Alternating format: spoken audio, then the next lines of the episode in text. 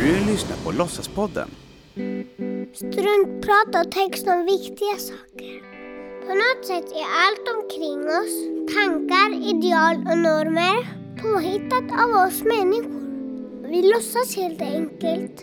Och du lyssnar på Frida Silander och Erik Rosales som låtsas göra en otroligt viktig podd. Här är den korta versionen med bara texterna. Dagens tema är ondska. Det är så himla sällan jag tänker på ondska och än mindre så pratar jag om ämnet. I alla fall, jag har en god vän som har vunnit titeln världsmästare i utopi. Det är sant. Alltså massvis med tävlande skickar in tankar, visioner om sina drömsamhällen. Och min kära vän gick segrande ut ur denna fantastiskt udda men högst tankvärda tävling.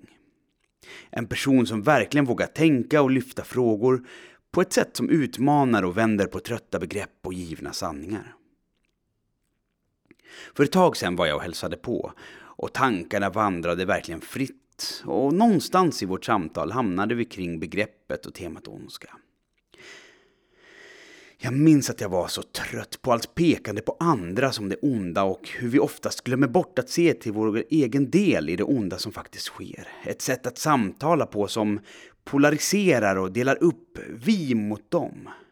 Ett sätt att förenkla verkligheten till ett svartvitt tal som det är ju just de som måste bekämpas för att allt ska kunna bli bättre. Hashtag Moderaterna, hashtag Feministerna, Invandrarna, Kapitalisterna, AIK, hashtag Finkulturen, AFA, Knarkarna, hashtag dem. Min vän sa då till mig att han hade börjat jobba på en modell för hur vi skulle kunna samtala långt bortom våra polariserande fördomar. Okej, okay. så tänk dig själv i ett samtal.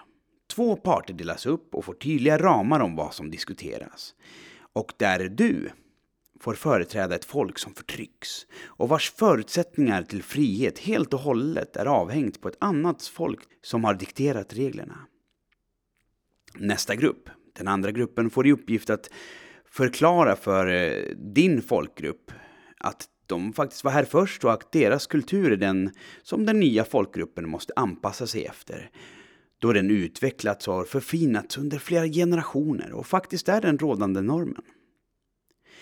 Ni som är deltagarna i diskussionen får inte veta vilken den exakta folkgruppen är som ni företräder. Jag tror att samtalet säkert skulle kunna leda till ett och annat utpekande av de andra som de onda förtryckarna. I en problematik som skulle kunna avspeglas i ganska många konflikter storstad och landsbygd, eh, finkultur, fulkultur, invandrare och svennar och så vidare. Diskussionen är i full gång men exakt vilken konflikt det är som speglas vet du inte. Jag har ju redan på förhand förberett mitt svar för detta lilla experiment som du är med i. Vilka tror du det är som har skapat en kultur som du och de nyanlända strikt måste anpassa sig efter och vars frihet strikt dikteras av den härskande klassen. Vilka är förtryckarna du kämpar emot? Du vet, de eventuellt onda. Hmm.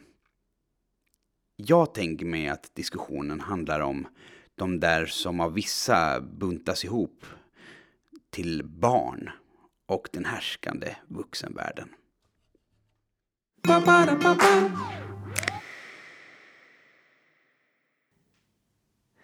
Ondska finns och ändå inte. Det är som tomrum eller hål. Det är ingenting, men ändå är det något. There is no possible source of evil except good, sa filosofen Augustinus, som menade att det onda inte är något i sig självt, utan bara en frånvaro av godhet. Ondskan går inte att ta på. Den går knappt att tänka på och den är svår att prata om. Men det är helt nödvändigt att göra just detta. ta på den, tänka på den, prata om den. Om vi blundar för den får den växa som den vill. Och rätt som det är befinner vi oss i den. För den finns där, i dig, i mig, överallt och ingenstans. Som en osynlig snara runt varje människas hals. Ingen människa är ond. Men omständigheter och situationer kan få oss att utföra handlingar med hemska konsekvenser.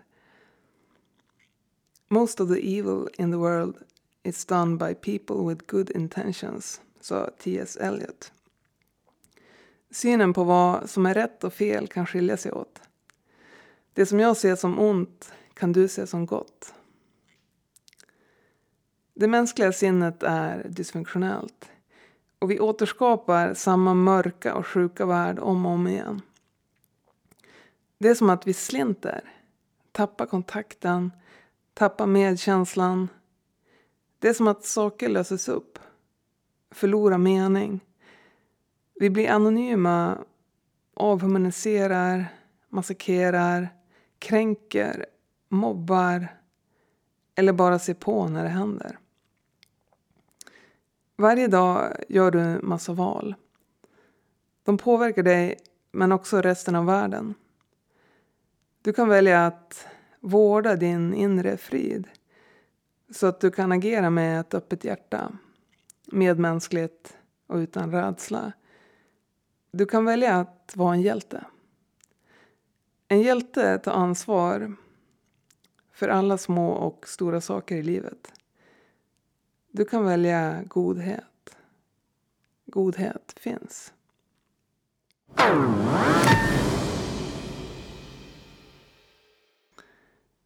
Hur kan det finnas en gud när det finns ondska? Det måste vara den svåraste frågan att svara på som troende. Det kallas för teodicé-problemet. Jag har själv sökt efter svar eftersom jag tror på något större. En yttre kraft och energi.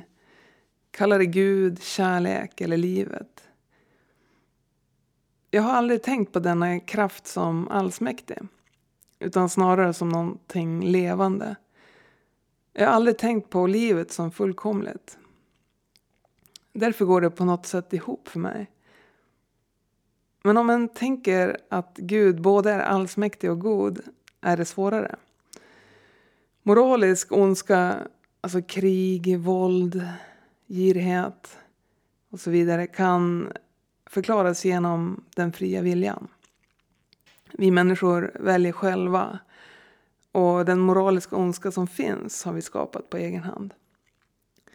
Thomas Merton skrev The evil in the world is all of our own making. And it proceeds entirely from our ruthless, senseless, wasteful, destructive and suicidal neglect of our own being. Naturlig ondska, sjukdom, naturkatastrofer, smärta och liknande förklaras ibland med att allting fyller ett syfte och en funktion i ett helhetsperspektiv. Men att vi människor inte är förmögna att förstå det. Det finns också teorier om att ondska enbart är frånvaro av det goda. Att det därför inte existerar i sig själv och kan därför inte vara skapat av Gud. If you are the dealer, I'm out of the game.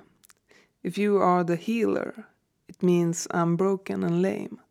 If thine is the glory, then mine must be the shame. You want it darker, we kill the flame. Så sjunger Leonard Cohen i You want it darker.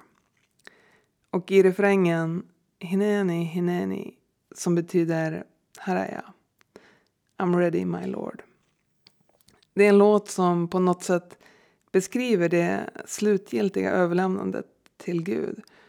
Bortom reson och hopp och trots allt mörker. Den beskriver en orationell tro som accepterar mysteriet och paradoxen. Den är som ett eko av hans episka låt Halleluja.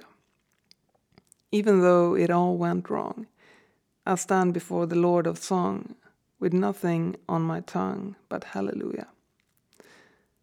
Jag håller med Leonard. Låsa, låsa, låtsas salosas, poder, los salosas, salosas, poder, salosas, salosas, poder.